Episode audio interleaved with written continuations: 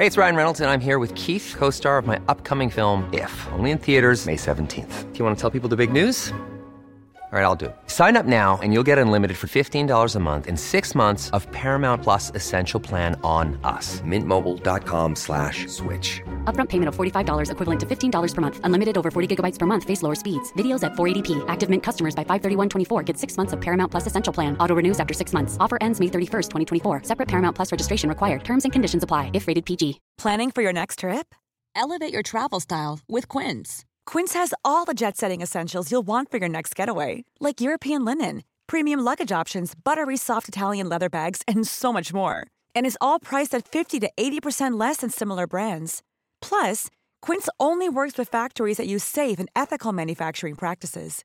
Pack your bags with high-quality essentials you'll be wearing for vacations to come with Quince. Go to quince.com/pack for free shipping and 365-day returns. Many of us have those stubborn pounds that seem impossible to lose, no matter how good we eat or how hard we work out. My solution is PlushCare.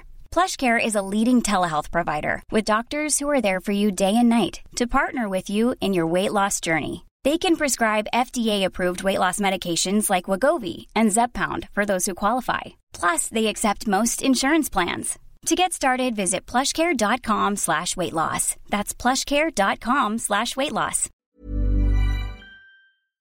Helt siden de første menneskene slo seg ned i Trøndelag, har det blitt observert underlige lys over Hessdalen. Fenomenet har blitt forsøkt bortforklart som syner sett av bygdetullinger og deliriske hallusinasjoner forårsaket av den lokale drikkekulturen. Men det skulle vise seg at fenomenet stakk langt dypere når Hessdalen-fenomenet fikk verdensomspennende oppmerksomhet i ufo-miljøet på 1980-tallet. Fenomenet er fremdeles der, og det er fremdeles like uforklarlig som den gang. I 2024 kommer en podkastserie i seks deler produsert av Project Hessdalen, som kanskje en gang for alle skal finne svar på hva som rører seg på himmelen i denne bortgjemte dalen i Trøndelag. Serien har som seg hør og bør fått tittelen A Blaze in the Northern Sky, og den kommer til din favorittpodkastavspiller i 2024.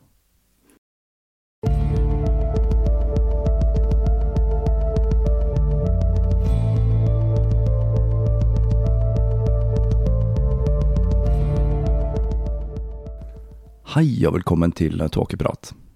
Jeg heter Even, og når jeg tar opp denne episode 148, så er det tidlig en fredag morgen den 4. desember 2020.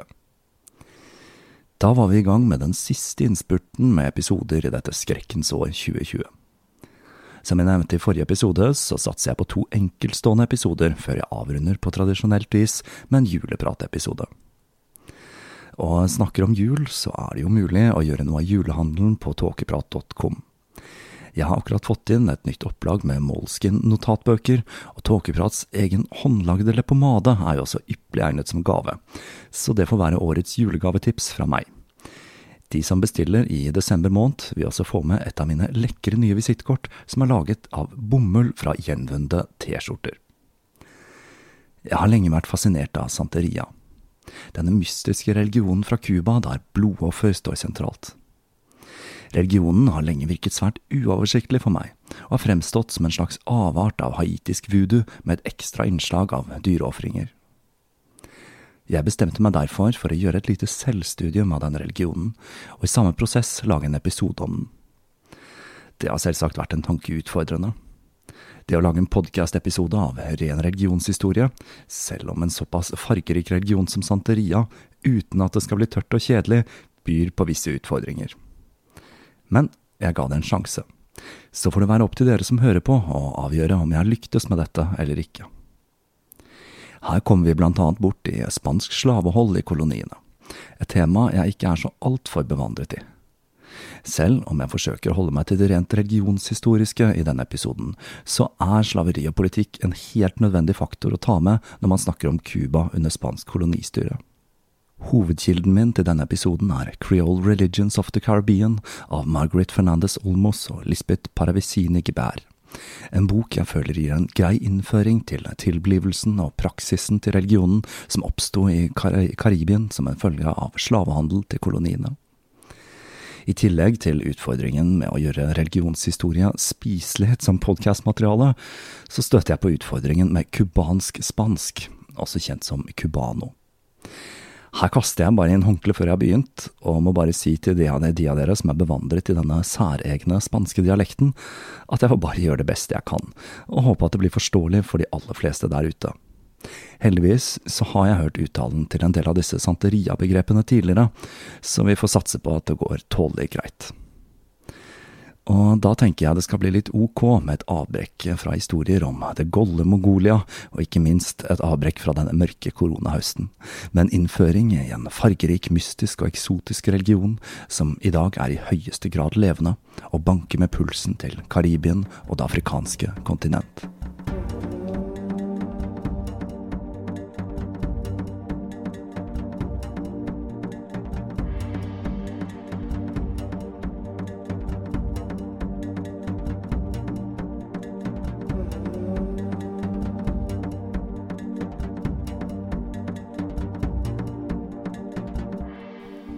Afro-cubanske religionene oppsto i ulike slavekolonier. Spanjolene kjøpte slavene sine fra andre nasjoner, og det førte til at koloniene deres hadde et bredt innslag fra en rekke ulike afrikanske kulturer. Etter 1800 var det i all hovedsak afrikanere fra Sørvest-Nigeria, Dahomey, Togo og Benin som ble fraktet til sukkerplantasjene på Cuba. De tilhørte en gruppe med stammer som hadde et felles språk og kultur, og som kalles yorubaer. Dette er i dag den største folkegruppen i Nigeria og en av de største i hele Afrika. Kulturen og religionen til yorubaene er fundamentet til Santoria, som skiller seg fra de andre afrokubanske religionene som har sine røtter i tradisjoner fra Kongo. Det var tre institusjoner i det cubanske slavesamfunnet religionen oppsto i. I byene var det kabildoer, noe vi straks kommer tilbake til, på sukkerplantasjene, beteiene landsbyene som oppsto rundt sukkerplantasjene, og i fjellene var det palenques, bosetninger der rømte slaver søkte tilflukt fra sine spanske slaveeiere. De tre religionene som oppsto, overlapper hverandre, og det er mulig å bli initiert i flere av dem. Men den mest komplekse og den med mest utbredning, det er Santeria, eller Regla di Ocha. Navnet Santeria, eller Helgenenes vei, ble gitt denne religionen av spanjolene på grunn av deres bruk av katolske helgener men selv så omtalte de troende religionen som regla di ucha, orishanes religion, styre eller regelsett. Sammensmeltningen av kultur skjedde ikke så mye på grunn av tvang, men som et resultat av et møte mellom to kulturer. Offisielt var det den romersk-katolske kirken som hadde det som oppgave å indoktrinere slaver på Cuba i den kristne tro. Men de gjorde en halvhjertet og sporadisk jobb. Plantasjeeierne hadde et avslappet forhold til religion, og var langt mer opptatt av profitt enn å predike Bibelens budskap. Og i tillegg så hadde den kosmopolitiske og sekulære Havanna en sterk innflytelse på resten av Cuba. Verken Spania eller kirken utviste noe særlig interesse for Cuba under kolonitiden, og det ble dedikert lite ressurser til å drive misjonsvirksomhet, spesielt på bygdene. Samtidig så hadde plantasjeeierne liten interesse av å la slavene få fri på søndag og helligdager for å kunne praktisere den kristne tro. Til tross for at katolisismen var den eneste tillatte religionen på Cuba, så hadde de spanske kolonistene tatt med seg en mer folkelig variant av religionen, og denne skulle ha en sterk innflytelse på tilblivelsen av en ny cubansk folkereligion. I de spanske landsbyene var helgendyrkelse svært sentral og helgenene fungerte som et mellomledd mellom menneskene og Gud. I likhet med for eksempel den romerske og greske religionen var helgene spesialiserte, og man fant helgener for for eksempel ulike sykdommer og yrker. En annen faktor som skulle føre til sammenblanding av religion, var muligheten til å klatre i det sosiale hierarkiet. For at slavene skulle klare dette, så var de nødt til å omfavne kolonistenes religion. Dette skulle føre til opprettelsen av en rekke klubber og brorskap som fungerte som et tilfluktssted fra undertrykkelse og rasisme, og som en plass der de kunne holde ved like sin opprinnelige kultur og religion. Den viktigste av disse institusjonene var Cabildos de Nación, som var religiøse brorskap som ble støttet finansielt av kirken. Disse ble en slags kombinasjon av hjelpeorganisasjoner som hjalp medlemmene med ting som å finansiere begravelser og enkelte ganger med å kjøpe frihet fra slaveri, og en sosial møteplass som arrangerte fester, dans og karneval. Hver cabildo eide et eget hus som var senteret for aktiviteten.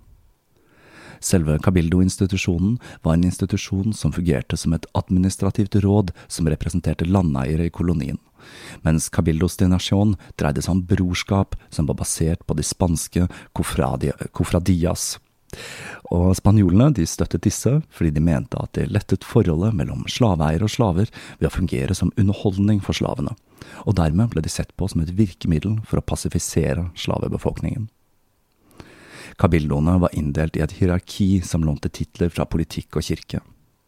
Mannlige ledere ble titulert konge, og kvinner i høye stillinger som dronninger. Vi finner også militære titler som kaptein.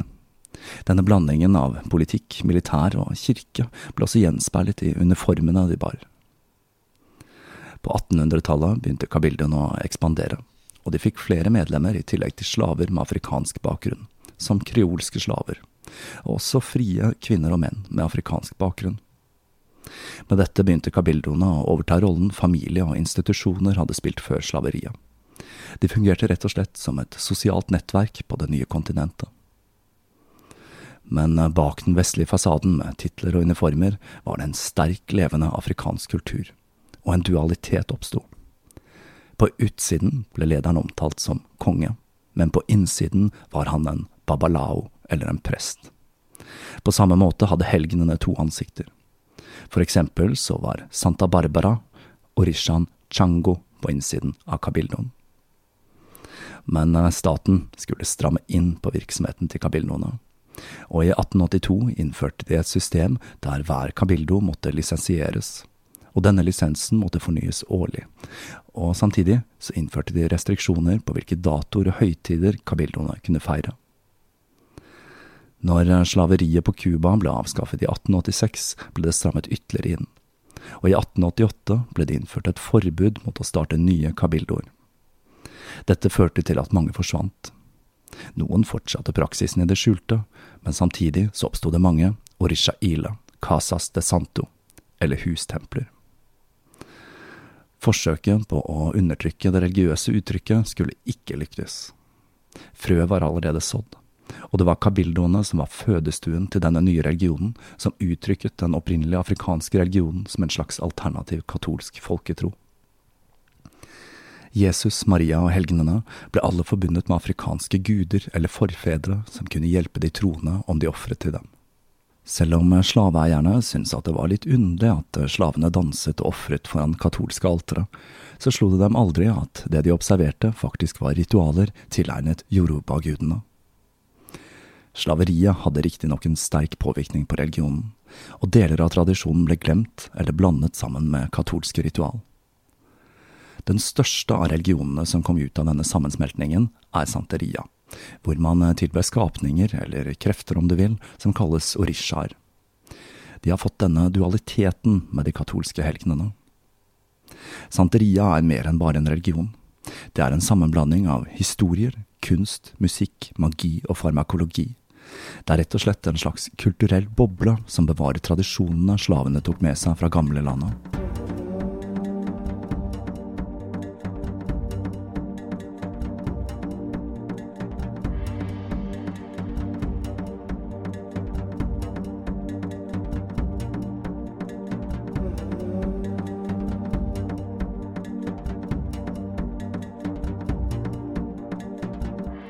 Den største guden i religionen er skaperen, Olodumare, også kalt Olorun og Olofi.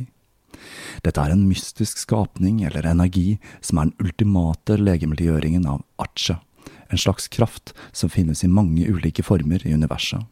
Utfordringen med denne Olodumare er at han er så mektig at han er utilgjengelig, og kan kun kontaktes via mellomledd. Og det er her orishaene kommer inn i bildet. De er åndsvesener av ulikt opphav. Noen ble til før skapelsen av menneskene, mens andre en gang hadde vært mennesker selv, før de på grunn av å inneha spesielle egenskaper selv ble til orishaer. Her kan jeg ikke annet enn å tenke på den slående likheten med teosofien og deres hemmelige mestere, for ikke å snakke om lamaer med historien om Ungarn friskt i minne. Orishaene er til stede i hverdagslivet til folk, og kan hjelpe dersom de blir æret på riktig måte.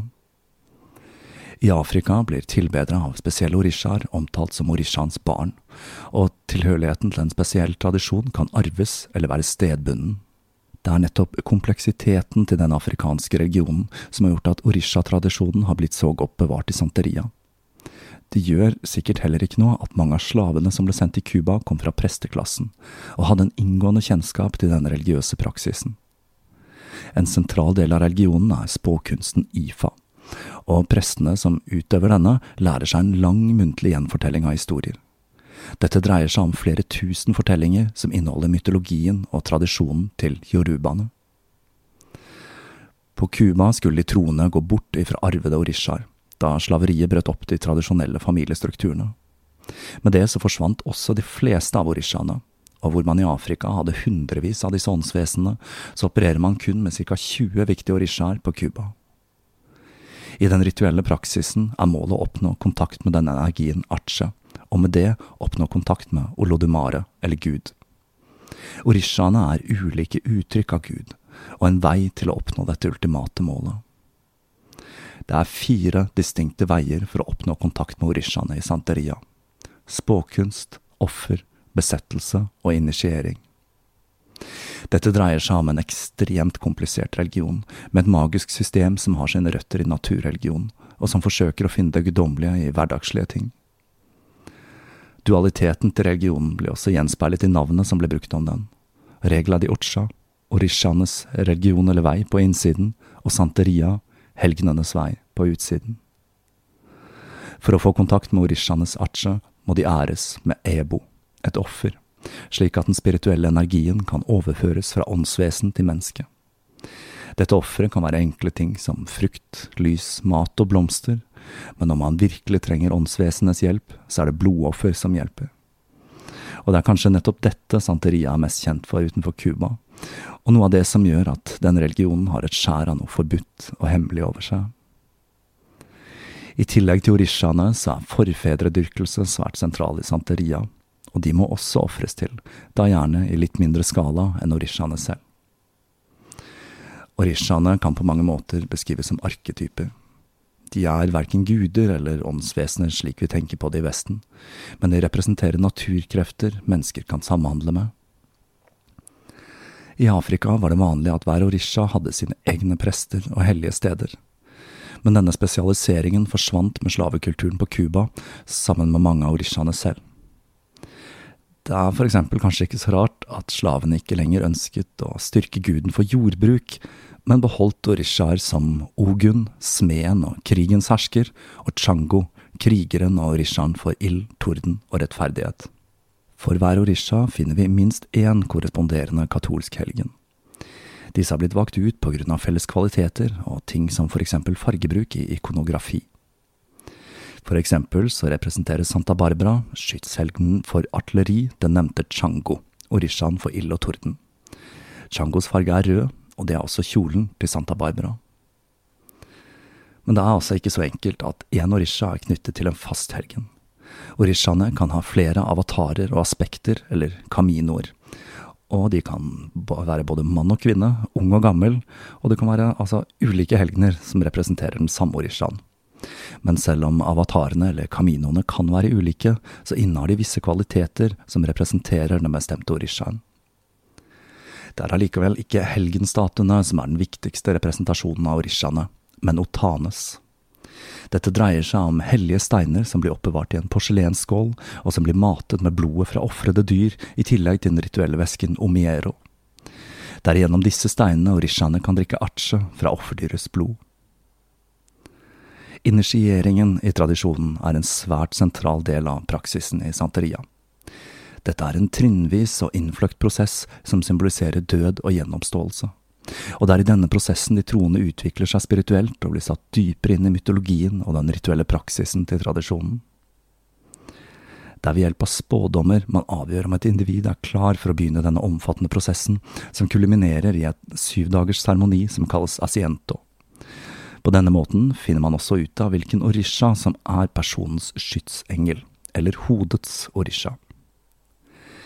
Det er ikke pålagt å være innviet for å delta i religiøse aktiviteter, men enkelte ritual krever at personen er innviet i en av de høyere gradene, og samtidig vil den som er innviet, få et spesielt forhold til de som tilhører samme hus som dem selv. De blir brødre og søstre en santo i ånden. Det er overhodet When you're ready to pop the question, the last thing you want to do is second guess the ring. At Bluenile.com, you can design a one of a kind ring with the ease and convenience of shopping online. Choose your diamond and setting. When you find the one, you'll get it delivered right to your door. Go to Bluenile.com and use promo code LISTEN to get $50 off your purchase of $500 or more. That's code LISTEN at Bluenile.com for $50 off your purchase. Bluenile.com code LISTEN. Hiring for your small business? If you're not looking for professionals on LinkedIn, you're looking in the wrong place. That's like looking for your car keys in a fish tank. LinkedIn helps you hire professionals you can't find anywhere else, even those who aren't actively searching for a new job but might be open to the perfect role. In a given month, over 70% of LinkedIn users don't even visit other leading job sites. So start looking in the right place. With LinkedIn, you can hire professionals like a professional. Post your free job on linkedin.com slash people today. Til denne spirituelle familien, en prest eller prestinne, som styrer seremoniene og den spirituelle veksten til huset. Majoriteten av utøvere velger å ikke gjennomgå den lange og omfattende innvielsesprosessen, og det er ofte personer som står overfor vanskeligheter som sykdom, som blir rådet til å hengi seg til religionen. Vi finner fire ulike grader av initierte medlemmer. Liavo. Dette er tittelen en person har etter Asiento, den første innvielsen. Personen må da bruke et år på å avgjøre om han eller hun vil gå videre i religionen og oppnå prest- eller prestinnestatus, eller om vedkommende vil fortsette å følge religionen som en privatperson. Babalukka og Layalukka, eller far og mor. Det er presterollen i santeria, og dette er personer som har gått gjennom perioden som novise og bestemt seg for å dedikere livet til troen. Det blir noen ganger omtalt som santero og santera. Oriate. En oriate er en spesialisert prest med en inngående kjennskap til spådom og ritual.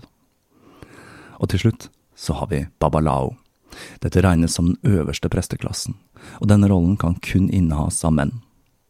Babalaoen tilhører en egen kult innen santeria som heter regla de ifa, og initieringsseremonien deres er en hemmelig og utrolig komplisert affære.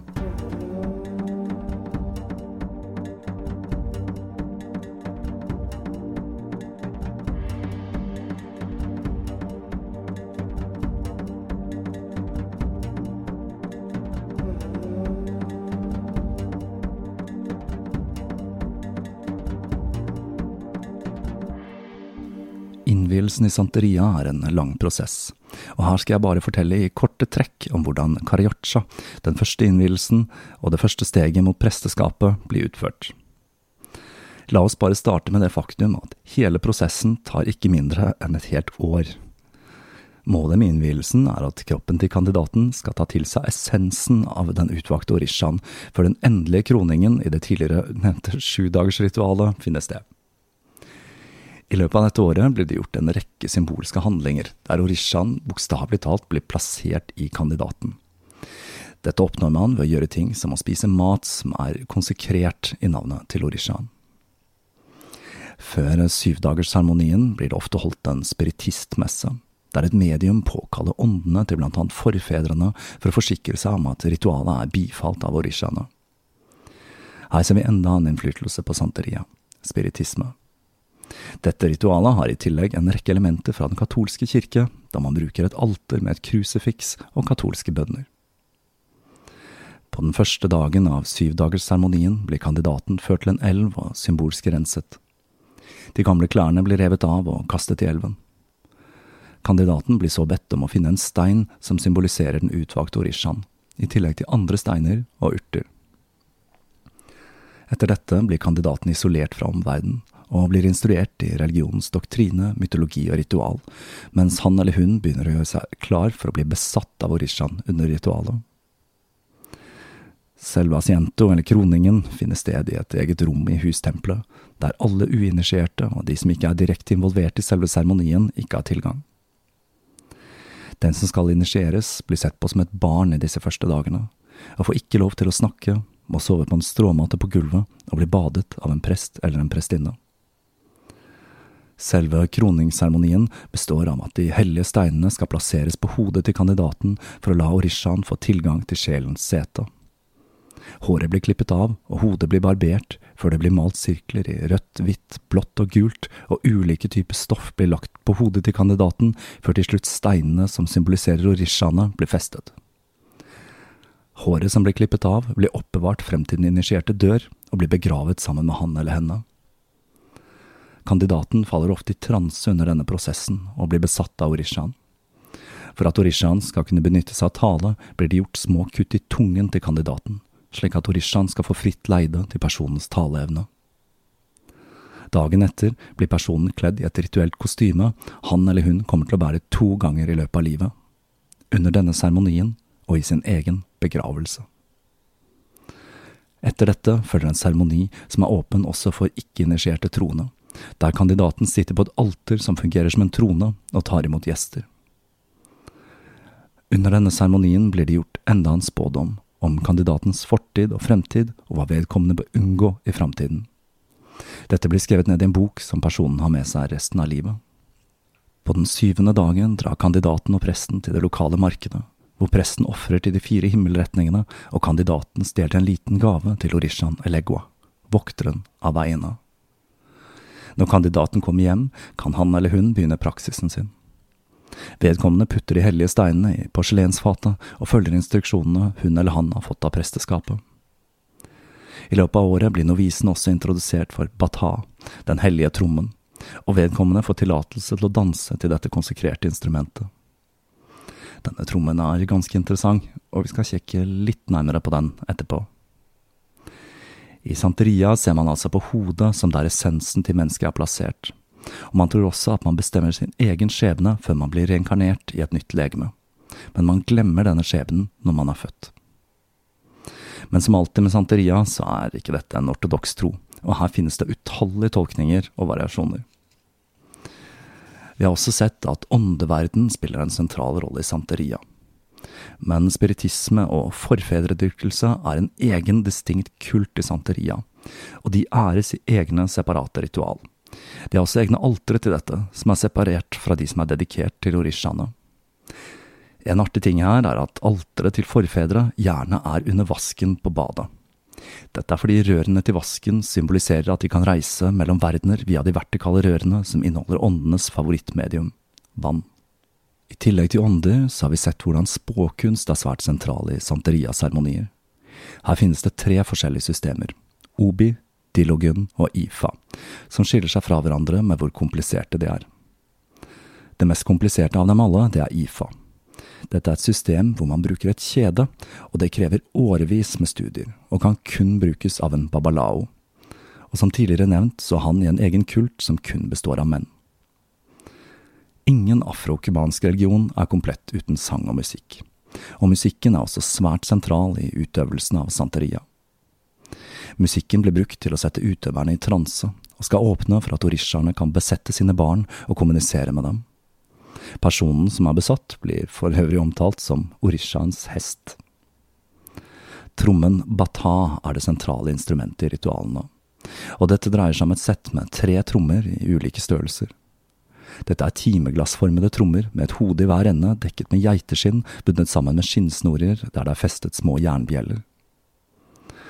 Trommene kan bli døpt i enda en omfattende seremoni som tar flere dager, og som krever omfattende ofring. I løpet av denne prosessen får trommen et hellig navn, og det inngår et enormt arbeid i å lage en døpt hellig tromme. Og det samme gjelder selve trommingen. Trommingen kan betraktes som et eget språk, og det tar årevis å lære seg den riktige måten å påkalle de ulike orishaene på. Man sier at det er trommen og ikke trommeslageren som snakker gjennom rytmene. På samme måte som med den øverste prestekassen, så kan ikke kvinner og homofile menn spille på konsekrerte trommer. Trommingen i santeriaritene følger en fastsatt struktur, der man starter med ren tromming før man etter hvert legger til sang og så dans. Dette øker energien i ritualet og åpner for besettelse av utøverne.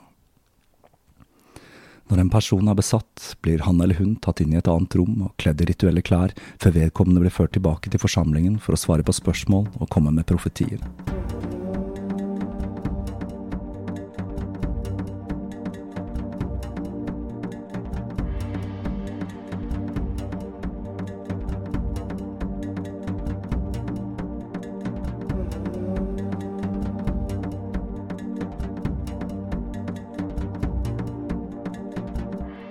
Så tenkte jeg vi skulle se på noen av de ulike orishaene. Her har jeg valgt ut noen av de mest populære og viktigste i Santerias panteon.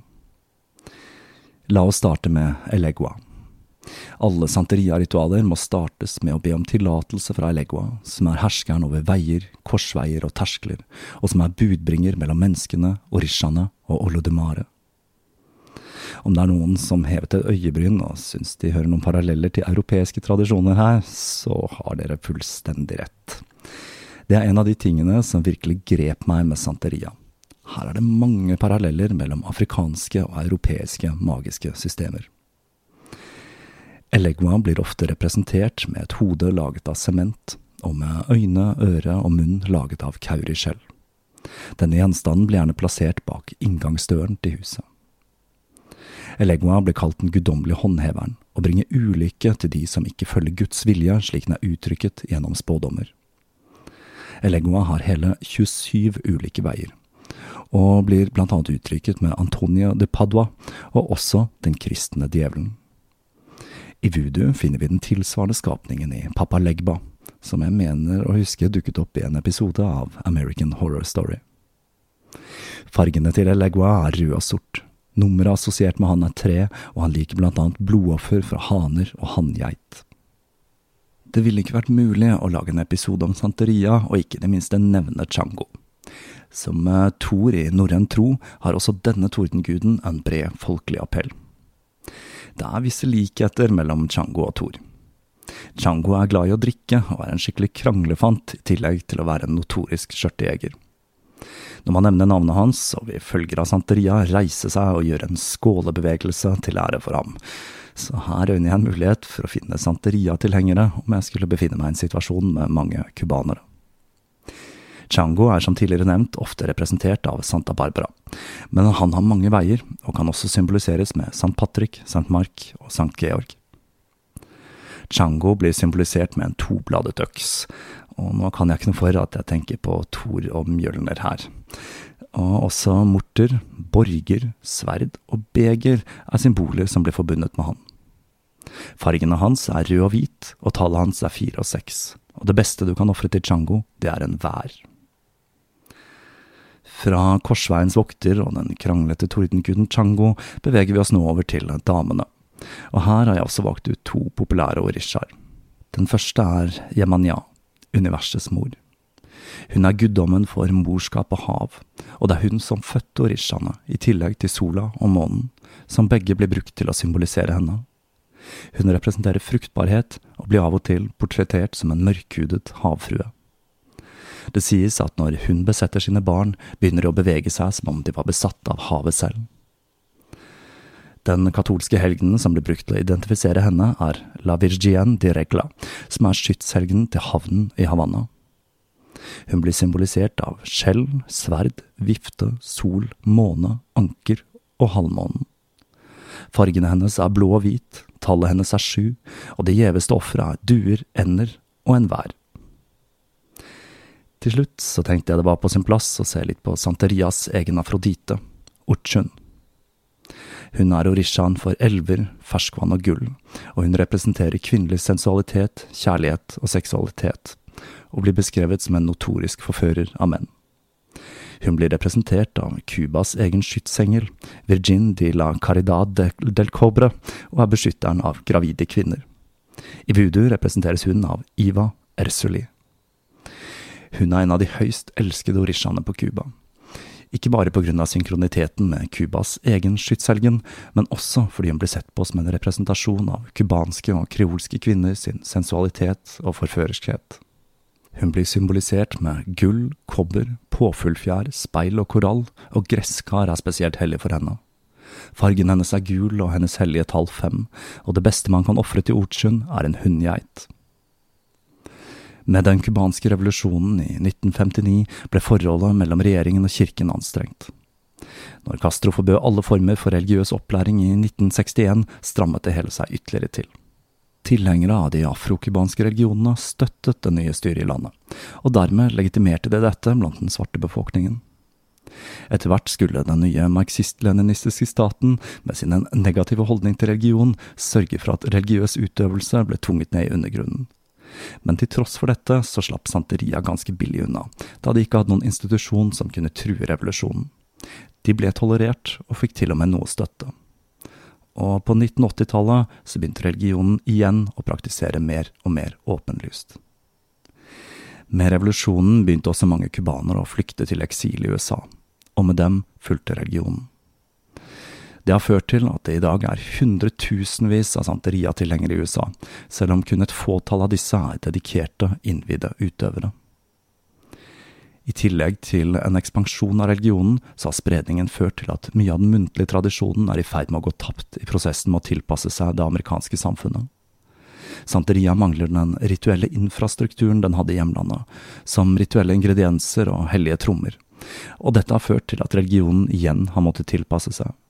Religionen har også blandet seg med andre strømninger, som espiritissimo, noe som har ført til en retning som kalles santerissimo, og som har spredt seg blant ikke-cubansk befolkning i USA og Europa. For cubanere eksil er santeria langt mer enn en religion. Den representerer et sosialt og økonomisk nettverk og en følelse av tilhørighet. Som den alltid har vært, er religionen fleksibel, og den er en høyst levende religion, som ikke bare har overlevd, men som er så sterk som noen gang den dag i dag.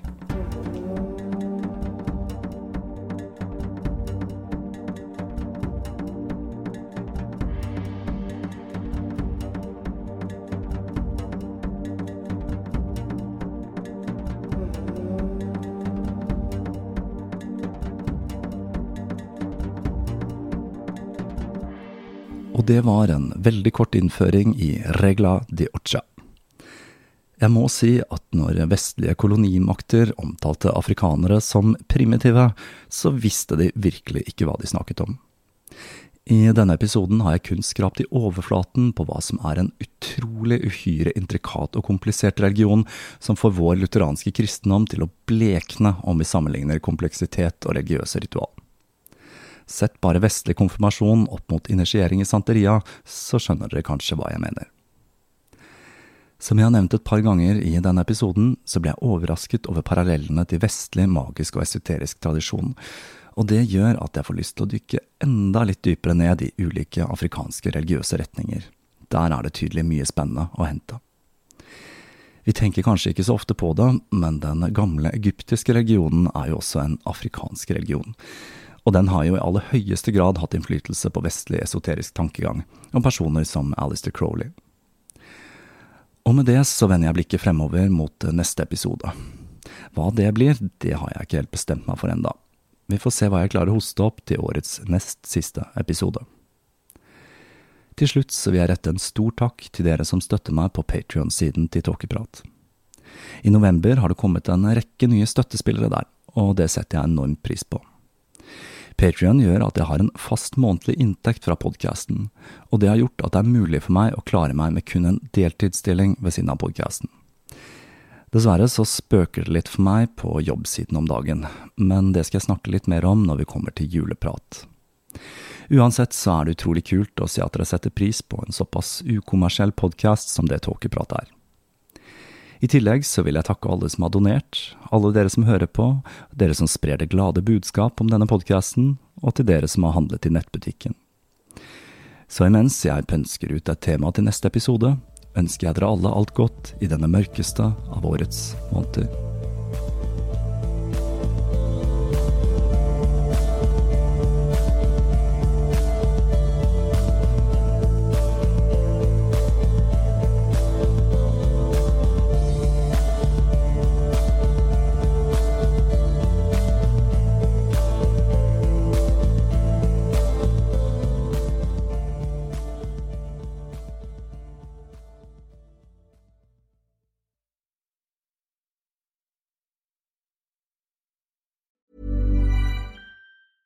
Planning for your next trip?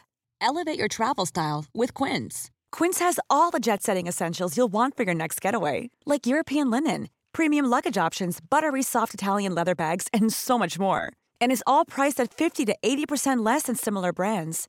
Plus, Quince only works with factories that use safe and ethical manufacturing practices. Pack your bags with high-quality essentials you'll be wearing for vacations to come with Quince. Go to quince.com slash pack for free shipping and 365-day returns.